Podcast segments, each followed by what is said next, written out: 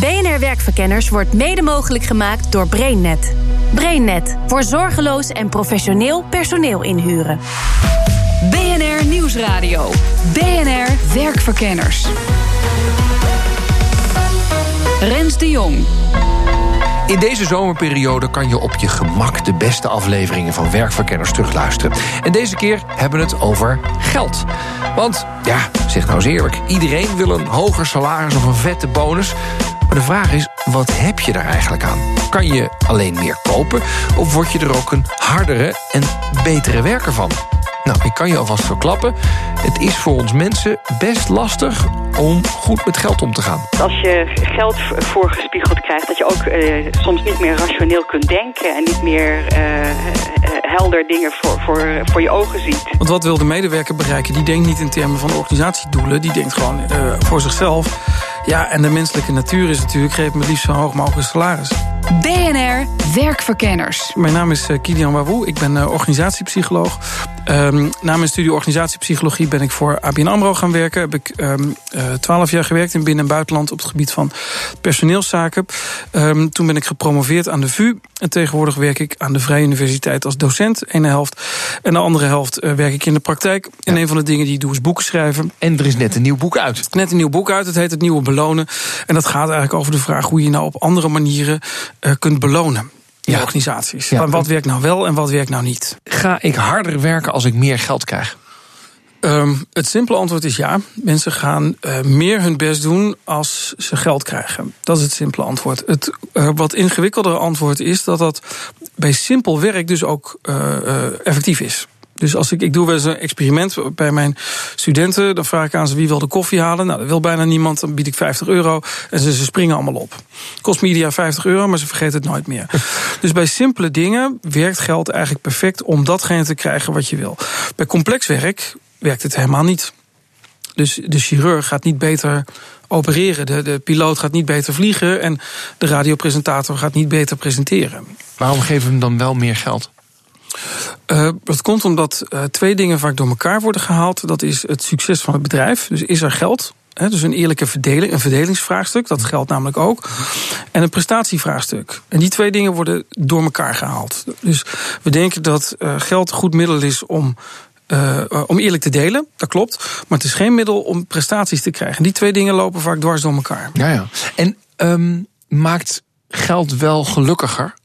Want misschien is dat, ja, je wil je mensen gelukkig hebben, dus ja. geef ze meer geld. Ja, als mensen uh, geldstress hebben, dus als ze op een, een, een inkomen zitten waarop, waarop, ze niet alles kunnen doen wat ze zouden willen in hun basisbehoeften. Dus uh, bijvoorbeeld kerstinkopen doen of nieuwjaars uh, dingen voor nieuwjaar kopen, dan maakt geld echt gelukkig. Dus mensen met geldstress, dat zijn er in Nederland zo'n 2 miljoen, dat zijn er dus behoorlijk veel.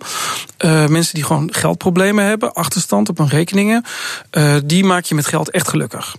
Als je boven dat bedrag komt, en je kunt discussiëren over waar dat precies ligt. Hoe hoog is het ongeveer?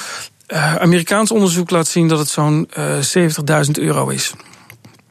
Dat is veel. Ik heb het zelf nagerekend om, om te begrijpen waar het vandaan komt. En mijn vermoeden is, um, we zitten hier in Amsterdam. Je hebt in Amsterdam twee keer modaal nodig om een modaal leven te leiden. Mm. Dus een, een, huis hier is zo duur dat je alle twee moet werken op modaal niveau. En dan heb je samen zo'n 70.000 euro. En dan heb je een huis van uh, een modaal huis, dus uh, niet eens zo heel groot. En dan geldt eigenlijk voor iedereen in Nederland, inclusief de Randstad, dat je uit je geldzorgen bent. Dus ik heb dat bedrag geschat ook op zo'n 70. 70.000 euro, dan ben je in ieder geval in je basisbehoeften voorzien. En als je daar boven gaat? Dan maakt meer geld niet gelukkig. Nee. Dus ik zeg altijd tegen mensen: als je met uh, 70.000 nog niet gelukkig bent, ga je het met 170 of met 1,7 miljoen ook niet meer worden. Nee, uh, toch denken mensen dat niet. Nee. Bij, bij, uh, we hebben eerder een uitzending gemaakt over beoordelingsgesprekken. Nou, ja. daar, daar, gaat het om. Hè. Ja. Wat er wordt gezegd maakt niet uit, maar uh, krijg ik die 6% erbij? Ja. Mensen hebben een, een, natuurlijke neiging om vooral meer te willen. En um, um, mijn um, vermoeden is, en ook wel gestaafd met onderzoek, is dat als wij als mensheid niet steeds meer zouden willen, dan staan we ook stil. Als ik met mijn zwemdiploma blij was geweest op mijn zesde. En ik dacht, nou, nu, nu ben ik klaar. Ja. Dan, uh, dan was ik dus nooit meer gegroeid in mijn leven. Dus op het moment dat ik uh, een doel heb gehaald... Dat is ook, blijkt dus dat die blijdschap uh, ongeveer een week of vier, vijf voortduurt. En dan is hij weg. Ja. Dan moet je weer wat nieuws. Ja. Dus als soort is dat heel fijn dat we nooit gelukkig zijn. Maar als individu is het knap vervelend. En, en maar, dus is eigenlijk dat salaris helpt ons om een soort met van eh, indicator te hebben: ben ik aan het groeien? Ja. En daar vind ik het wel weer logisch van. Ja, dan. Mensen zoeken er voor een deel ook erkenning in. En Ja. dat zie je nu met lerarensalarissen. Is dat ze eigenlijk eh, eh, op zoek zijn naar erkenning voor hun werk. Nou ja, wat is er belangrijker dan het onderwijs voor je kinderen? Dat Ja. is in geld haast niet uit te drukken. Maar als iemand zegt, ga dat dus wel eens in het geld uitdrukken... Dan wordt het knap lastig. Ja. Maar je ziet dus, maar het punt, dat probeer, het punt dat ik probeer te maken is: jij zegt. Mensen willen wel altijd, zijn altijd met groei bezig. Ja. Dat is prettig, daarom zijn we misschien zo ver gekomen. Eh, alleen is dat heel moeilijk te meten. En Ja. eh, de makkelijkste manier om te meten is gewoon zeggen: hoeveel geld trek ik per jaar binnen? Ja. Toch? En als Dus, jij mij eh, dus geen salarisverhoging geeft, dan ben ik dus klaarblijkelijk niet gegroeid. Nee. Dus eh, geld heeft eh, twee belangrijke functies voor mensen. Het, is een, het heeft een absolute functie. Je hebt het nodig om, om eh, eten voor te kopen en andere dingen. Maar het is dus ook nog een vergelijkingsfunctie. Ja. Ik vergelijk me met jou. Maar nu wordt het vervelend. Ik vind mezelf beter dan jij. En jij vindt jezelf beter dan ik. Eh, ja, dan wordt het lastig. Want een van ons twee heeft natuurlijk het meest. Eh, en, en heel veel, en, en zeker in een team, eh, ja, de rest heeft het nakijken. Ja. Dus je ziet vaak dat als je beloningen verhoogt, dat de tevredenheid niet meer mee omhoog gaat. Dus Wat moet ik hier dan? Wat, dus, dus wat moet ik hiermee? Want ik wil het beste uit mijn mensen halen. Ja, dan zou ik zeggen voor gelijk werk vooral gelijk belonen. Dus als mensen op hetzelfde niveau functioneren. eh, en alleen bij aantoonbaar beter functioneren meer betalen. Hmm. Eh, echt structureel beter zijn dan anderen, dat mag je extra belonen. Maar in, in de regel, dat zie je ook uit onderzoek, is dat een team wat hetzelfde doet, ook, kun je ook het beste ongeveer hetzelfde betalen. Als Anders, anders krijg je ook scheve ogen. Absoluut. Ja? Ja, en ook omdat het. eh, wie krijgen er vaak als eerste het meeste betaald? Eh, mannen met een grote mond. En. eh, er zijn nog een aantal andere factoren die, die totaal niet eerlijk zijn. En dat, dat leidt tot scheve ogen. Ja. Eh, En uiteindelijk, wat boel scheve ogen Allah, maar Ja. eh, ook minder productieve teams. Minder productieve teams, mensen die weggaan, mensen die ontevreden worden. Eh, ze zeggen ook wel, geld is een hygiënefactor. Hè? Dus je wordt er niet tevreden van, maar je kunt er heel ontevreden van worden. Ja. Als ik dit zo hoor, hè, dan kunnen we topsalarissen eigenlijk ook wel de deur uit doen. Uh, het is leuk dat je het vraagt. Ik heb uh, berekend hoeveel geld je nou nodig hebt om, uh, uh, om van te kunnen leven. Mm -hmm. In het allerhoogste segment. Dus uh, als je een huis hebt van anderhalf miljoen, hoeveel heb je dan eigenlijk nodig? Ja. want je kunt je. Dus, en ik gewoon de vraag gesteld: stel, ik ben de CEO van Shell en die verdient zo'n zo'n 8 miljoen per jaar. En die wordt gevraagd premier te worden, dan gaat hij terug naar 180. Kan dat? Nou, wat blijkt is dat die 180, ik weet niet hoe ze het verzonnen hebben, is ongeveer het bedrag wat je nodig hebt om in de allerduurste levensstijl van Nederland te hebben. Want een, een huis van anderhalf miljoen, ik kan je de hele berekening, wow. staat in mijn boek. Als je ik vind het goed dat je het helemaal berekend ja, hebt. Maar het komt erop neer dat uh, iemand dus die nu in Wassenaar of Blarikum woont in een huis van anderhalf miljoen.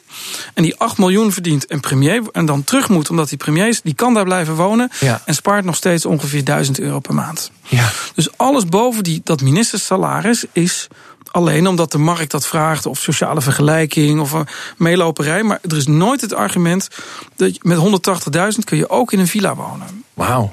Dus het is dus het idee van. Um, uh, bij ING was dat laatst. Die, die Ralf Hamels, die verdiende, weet ik veel, die verdient boven het miljoen. En ze maakte zich zorgen over hem.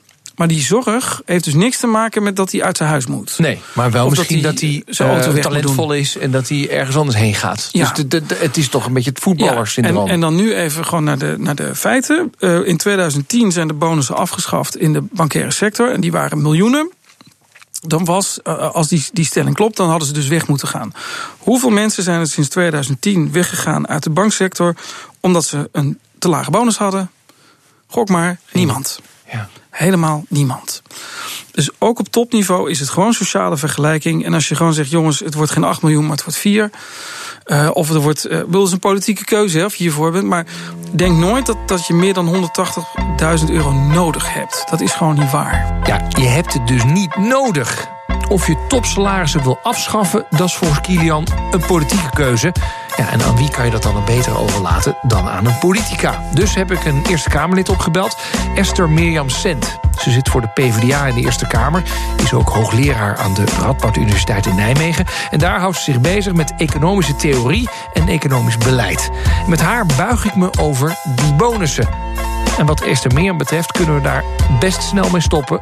Want het werkt gewoon niet. Er is een uh, experiment waar je ingewikkelde dingen met een kaars moet doen. Uh, en als je de groep in tweeën verdeelt en uh, één groep zeg je, nou, doe je best. En tegen de andere groep zeg je, doe je best. En wie het het allerbeste doet, die krijgt geld. Dan doet die tweede groep, die een bonus kan krijgen, het minder goed dan de eerste groep. Die doet er drieënhalve minuut langer over. En wat blijkt, dat financiële beloningen die beïnvloeden het denkproces negatief. Ja, dus mocht je denken dat je met een bonus je medewerkers beter maakt, kom je toch bedrogen uit. En met die kritiek is Kilian Wawu, docent HRM aan de VU en oud personeelschef van de ABN AMRO, het helemaal eens.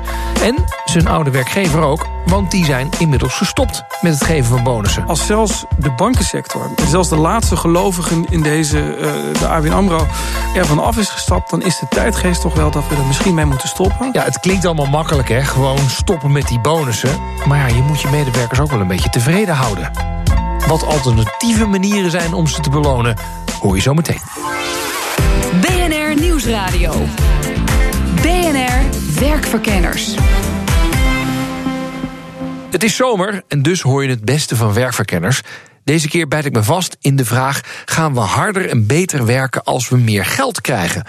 Ik neem mijn eerste conclusies door met Esther Mirjam Sent, hoogleraar economische theorie en economisch beleid. Meer geld of een, een bonus, in welke vorm dan ook, zal wel voor gedragsverandering zorgen, maar vaak zorgt het niet voor het goede. Het is vaak maar een tijdelijke gedragsverandering. Uh, en het gaat voorbij aan hele andere zaken die ons gedrag misschien veel sterker beïnvloeden dan die financiële prikkels. Mm. Ja, en het kan af en toe het verkeerde gedrag uitlokken, hoor ik je ook zeggen. Zeker, nou ja, dat hebben we natuurlijk gezien met eh, de bonussen en de aanloop naar de financiële crisis. Dat er uh, extra risico's werden genomen uh, met het idee van, nou, dat, daar kan ik een bonus bij krijgen. Maar daar zat er een asymmetrie in dat je wel beloond werd als het goed ging, maar niet bestraft werd als het slecht ging. Um, dus als je al financiële prikkels inzet, moet je ze natuurlijk wel juist inzetten. Als ik dit nou zo hoor, hè, laten we zeggen van de econoom Um, en ik luister dit als baas. Wat moet ik doen? Als baas moet je zorgen dat je medewerkers een uh, fatsoenlijk salaris krijgen. Uh, en moet je zorgen dat ze het gevoel hebben dat ze zinvol bezig zijn. Uh, dat het een uh, waardevolle bijdrage is die ze leveren. Ze willen graag erkenning. Ze willen graag uitgedaagd worden. Ze willen graag creatief bezig zijn. we hebben weten bijvoorbeeld dat als je zelf een origami poppetje maakt... dan wil je er veel meer voor betalen dan wanneer je het van iemand anders moet kopen... Uh, we weten dat uh, mensen, als ze zelf een IKEA-kast in elkaar zetten... dat ze er dan meer voor willen betalen dan uh, wanneer ze dat niet hebben gedaan. en dat soort inzichten, die zijn waardevol als we als, ons als baas willen realiseren... dat we mensen op de optimale manier willen stimuleren en belonen voor hun bijdrage. Maar, maar kunnen we iedereen leuk werk geven dan? Uh, ja, het is natuurlijk inderdaad uh, de, de, de, grote uitdaging. Uh, dat dit niet voor alle medewerkers is weggelegd. Dat niet iedereen creatief bezig kan zijn. Dat er ook gewoon geautomatiseerd werk is. Dus uiteraard zijn dit zo'n beetje de piketpaaltjes waar je aandacht aan moet schenken. maar tegelijkertijd moet je natuurlijk ook realiseren dat het helaas niet voor iedereen is weggelegd. Voor wie dat wel is weggelegd is Kilian Wawu. Hij is docent HRM aan de VU en geeft bedrijven advies over personeelszaken. Of hij nou zelf tevreden is over zijn eigen salaris? Ik heb een beetje een raar verhaal. Want ik had ooit bij de bank een enorm hoog salaris... en ben vrijwillig uh, ongeveer uh, 70% teruggegaan. Dus uh, ben ik daarover tevreden. Nou, nee, ben je daar ongelukkiger door geworden? Nee, maar uh, ik heb wel uh, meegemaakt dat uh, als je echt onder dat niveau komt te zitten, als je, als je, ehm, als je echt geldtekort krijgt, wat ik nog nooit in mijn leven had gehad als, als bankmedewerker, dat is knap vervelend. Ja. Uh, dus ik ben ook een keer een van die 2 miljoen mensen geweest die gewoon uh, moeite had om al zijn rekening te betalen. Nou, dat is niet leuk. En daar krijg je echt stress van. Daar krijg je echt stress van. Ik ja. heb meegemaakt dat in één, uh, in één week ging mijn auto kapot, mijn cv-ketel en mijn droger. Ja, dat is gewoon. Uh, dat is op dat moment heel vervelend. Maar goed, dat was mijn eigen keuze. Maar uh, daarmee is wel gezegd dat geld voor de mensen die geldstress hebben, dus een enorm belangrijk uh, iets is. En je ziet ook nu uit nieuw onderzoek over mensen met geldstress worden, klinkt heel stom, die worden dommer. Ja. Ja, ik geloof 13 IQ-punten ja, ongeveer. Dat klopt. Nou, je hebt uh, inderdaad goed uh, gehoord. Dus de, je wordt, dus iemand die al niet zo heel slim is, wordt gewoon zwak begaafd het moment dat hij geldstress ja, heeft. Maar merk je dan bij jezelf nu, want je hebt nu weer een aantal banen, en Ja, uh, ja. dat je zegt, ah, het is weer rustiger geworden. Het is ongeveer op het bankiersalaris Nee, dat, qua dat- geluk. Dat, dat niet, maar. ehm, Nee, eh, niet qua ook geld, maar qua geluk. geluk. Ja, ja, qua geluk zeker. zeker. En misschien ook nog wel hoger, want ik doe nu dingen waar, ik- die ik heel leuk vind. Eh, en, en op het laatst bij de bank was ik dat gewoon veel minder. Ehm, maar je je moet, je moet niet meer in dat stressniveau zitten. Want Ja, ja. je kunt het een beetje vergelijken als met een computer. Is dat als er te veel programma's openstaan, dan wordt die computer langzaam. Ja. En dat gebeurt bij mensen dus ook. Ja. Eh, en, en er is altijd één programmaatje wat meedraait en dat is die geldstress. Samengevat, als je een goede baas wilt zijn, zorg er dan voor dat je werknemers niet in de geldstress zitten. Dan krijg je namelijk zelf ook slimmere medewerkers voor terug. Maar boven dat niveau, zo'n 70.000 euro per gezin per jaar, gaat het niet alleen maar meer om geld, maar gaat het vooral om andere zaken. Nou, de tip die ik heb voor mensen in de, in de praktijk is: vraag je altijd af wat wil je nou eigenlijk met je beloningsbeleid bereiken? Dus wat is je, het is een middel tot een doel. Nou, wat was nou ook alweer dat doel? Was dat dat je je mensen tevreden wilde hebben? Of wilde je eerlijk delen? Wilde je prestatieverbetering? Nou, wat dat laatste betreft, dat gaat niet werken. Dus betere prestaties zul je in professionele orgteams niet vinden. Maar wat wil je dan wel bereiken? Nou, en, en, en denk dan eens na waar je voor gaat belonen. En meestal kom je dan toch uit op eh, dat mensen een team willen. Nou, ga dan per team beoordelen en niet per individu, want dan krijg je scheve ogen. Waarom gaat dit zo mis? Omdat het, eh, dat merk je al in dit gesprek, het is hele complexe materie. Eh, dus belonen heeft heel veel doelen die allemaal dwars door elkaar lopen. Ehm, en ik, ik ben er nu zeven jaar mee bezig geweest om die uit elkaar te rafelen. En ik merk dat ik het nog moeilijk vind. Ehm, maar ik zie in de meeste bedrijven dat, dat al die doelen door elkaar lopen. Ja. Van wat wilde je nou eigenlijk? Eh, en ga nou eens even heel rustig daarover nadenken. En kom dan pas met een beloningsbeleid. En anders blijven mensen toch altijd in een soort van ja, een bonus schijnt erbij te horen of een hogere beloning schijnt Ja. erbij te horen. En dan doen we dat maar. Dan zijn doen we er even maar, van het ja. gezeik af. Ja, Maar nu begint ook in het bedrijfsleven het besef in te dalen dat bonussen niet de heilige graal zijn. Ehm, ook bij Kilians oude werkgever, de ABN AMRO, zijn ze er acht jaar nadat hij wegging mee gestopt. En Kilian ziet het als een teken aan de wand. De maatschappij is er klaar voor om afscheid te nemen van bonussen. En dat we veel meer moeten gaan denken in termen van groepsbeloning, eh, winstdeling, prosociale bonussen, et cetera. Ja. En, en waarom dan wel bijvoorbeeld winstdeling en die prosociale bonussen? Wat is dat dan voor een verschil? Ja, het, het verschil is, is dat je eh, iets beloont wat je graag wil hebben. Namelijk, eh, als je aan mensen vraagt, dus vraag ik wel eens aan managers: wat wil je eigenlijk hebben in je team? Dan zeggen ze teamwork. Nou, als je dat wil, dan moet je dat gaan belonen. Ja. Eh, eh, en, en dan moet je, en ik wil dat het één groep gaat worden. Nou, dan moet je ze ook zo gaan behandelen. Ehm, en als dan één iemand individueel het toch beter doet, geef hem dan liever een beetje meer salaris dan dat gezeur over bonussen. Ja. ja. En winstdeling, waarom ben je daar dan wel voor? Ehm, niet altijd hoor, want moet, eh, als je in de zorg zit, dan is er geen winst meestal. Dus dan valt ook niks te verdelen. Maar het voordeel daarvan is, ehm, weet je wat in het MKB ook gebeurt? In een goed jaar is er gewoon meer geld. En dus krijg je dan ook iets extra's. En in een slecht jaar krijg je minder. En dan ben je ook eerlijk in het feit dat het voor een deel gewoon toeval is. Dus het, de de resultaten van een bedrijf zijn onderhevig aan toeval. Dus een deel van je salaris is ook onderhevig aan toeval. Dat is eigenlijk wat een winstdeling is. En niet de pretentie dat het een relatie heeft met jouw persoonlijke prestatie. Nee. Maar dat is toch wel zo? Of is dat niet zo dan? Ehm, Toch als wij allemaal hard werken? ja, Of is, of is de winst Maar toch ik, ik, stel, ik, stel, ik, ik had een keer een discussie met mijn baas bij de bank vroeger. En die zei: eh, Ik zei, joh, moeten we geen winstdeling invoeren? Eh, wat dus nu gaat gebeuren bij de bank trouwens. Eh, en die zei toen tegen mij: ja, Je bent een soort communist, zei hij, want jij wil de goede en de slechte dus gelijk belonen. En toen zei ik tegen hem: van, Nou, dan heb jij jezelf net verraden. Want hebben we slechte mensen? Ik bedoel, als je slechte mensen hebt in een team. Dan moet je heel wat anders mee doen dan de discussie of ze wel of niet een bonus krijgen. Die moeten getraind worden, of die moeten een opleiding, of die moeten eruit. Maar dat is niet het middel om dat probleem op te lossen. Of om het anders te vragen, zou jij geopereerd willen worden in een ziekenhuis waar de goede en de slechte chirurgen een andere bonus krijgen? Nee, ik wil gewoon geen slechte chirurg. Ik wil gewoon geen slechte chirurg. Nee, en, en, en, en we zien heel vaak in onderzoeken dat er gewoon 10, 20 procent van de mensen in een bedrijf gewoon helemaal niet functioneert. Ja. Ja, daar hoort een hele andere interventie bij. Ja, kortom, dat vind ik wel echt een inzicht. Ja, het is bijna zo simpel voor woorden, maar wat wil je bereiken? Ja, als je, dat, daar nou eens mee begint, en laat, ik hoop dat dat de, de- eigenlijk de belangrijkste les, eh, voordat we over eh, middelen gaan praten, wat was je doel? Ja, het is echt les 1 in de strategie, maar dat geldt dus ook voor personeelszaken. En als dat je doel is, betere en gelukkigere werknemers, dan ga je dat met meer geld niet bereiken. Maar dat betekent niet dat werknemers niet gaan vragen om meer geld. Ja, en de menselijke natuur is natuurlijk, geef me het liefst zo hoog mogelijk salaris. Ik weet niet hoe het met jou zit, maar Ja. als iemand eh, naar aanleiding van deze uitzending geld op mijn rekening wil storten, Ja, hou, u Ja. niet in, zou ik zeggen. Ehm, dus eh, eh, de vraag is natuurlijk wat, wat je zelf wil bereiken. En dan zeggen mensen natuurlijk toch, ik wil een hoger salaris. En dat maakt die spanning in organisaties zo groot... dat die medewerker wil het liefst zoveel mogelijk. Mhm. En die, die, die eh, manager daar wordt aan getrokken... en die weet eigenlijk niet precies wat hij wil. En daardoor zie je dus ook van die hele rare bonusprogramma's. Wat jij nu ontleedt, is eigenlijk dat die werknemer ook maar wat zegt, ja, geef me maar meer salaris. Ja. Uh, Omdat hij eigenlijk ook, oh, hij of zij eigenlijk geen ander meetmiddel Nee. heeft.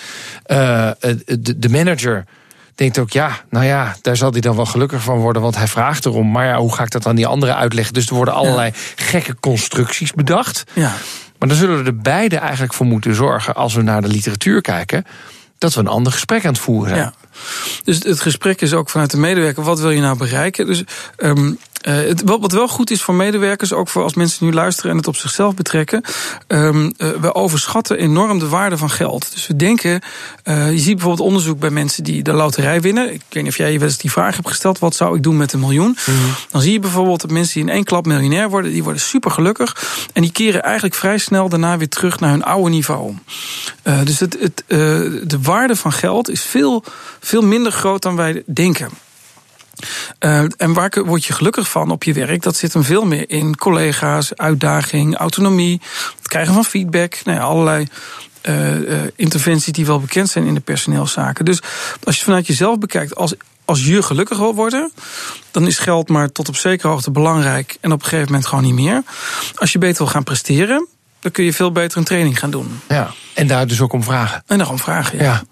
En dat is een win-win situatie. Hè? Dus coaching, training, dat, dat is goed voor het bedrijf, goed voor de medewerker.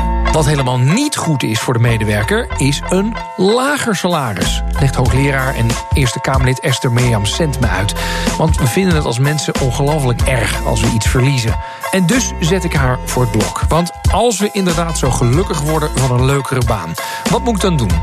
Een leukere baan kiezen met minder salaris? Of toch gaan voor die salarisverhoging bij die minder leuke baan? Nou ja, dat minder salaris, daar word je dus wel heel erg ongelukkig van. Oh ja, je zou oh ja. het je, liever niet natuurlijk. Je Nee, maar goed, nou, maar is dan, dan is het wel, dit is wel een heel interessant dilemma dan. Dus we moeten nu gaan kiezen. Het is een leukere baan, maar het heeft minder salaris. Ja, dan moet je toch even proberen je rationele zelf in te zetten... en te beseffen dat waar je echt gelukkig van wordt... is zinvol, creatief, uh, uitdagend werk doen. En uh, waar je aan wendt is een bepaald inkomensniveau. Uh, maar die, die psychologie die is lastig uit te schakelen. Dat we het ook altijd een beetje beter willen doen dan de mensen rondom ons. Hè. Dat, dat motiveert ons natuurlijk ook heel sterk. dus als alle anderen hetzelfde inkomen krijgen... en ik ga leuker werk doen tegen minder salaris dan uh, ja, raakt me dat zo diep uh, dat ik daar niet meer heel erg rationeel over kan nadenken. Nee. Ja, en terwijl het wel beter voor je zou zijn. Eigenlijk wel, eigenlijk wel. Het blijft lastig als het om geld gaat. En toch een aantal conclusies van deze aflevering. 1. We gaan wel wat harder werken van meer geld, maar alleen als het gaat om simpele taken. 2.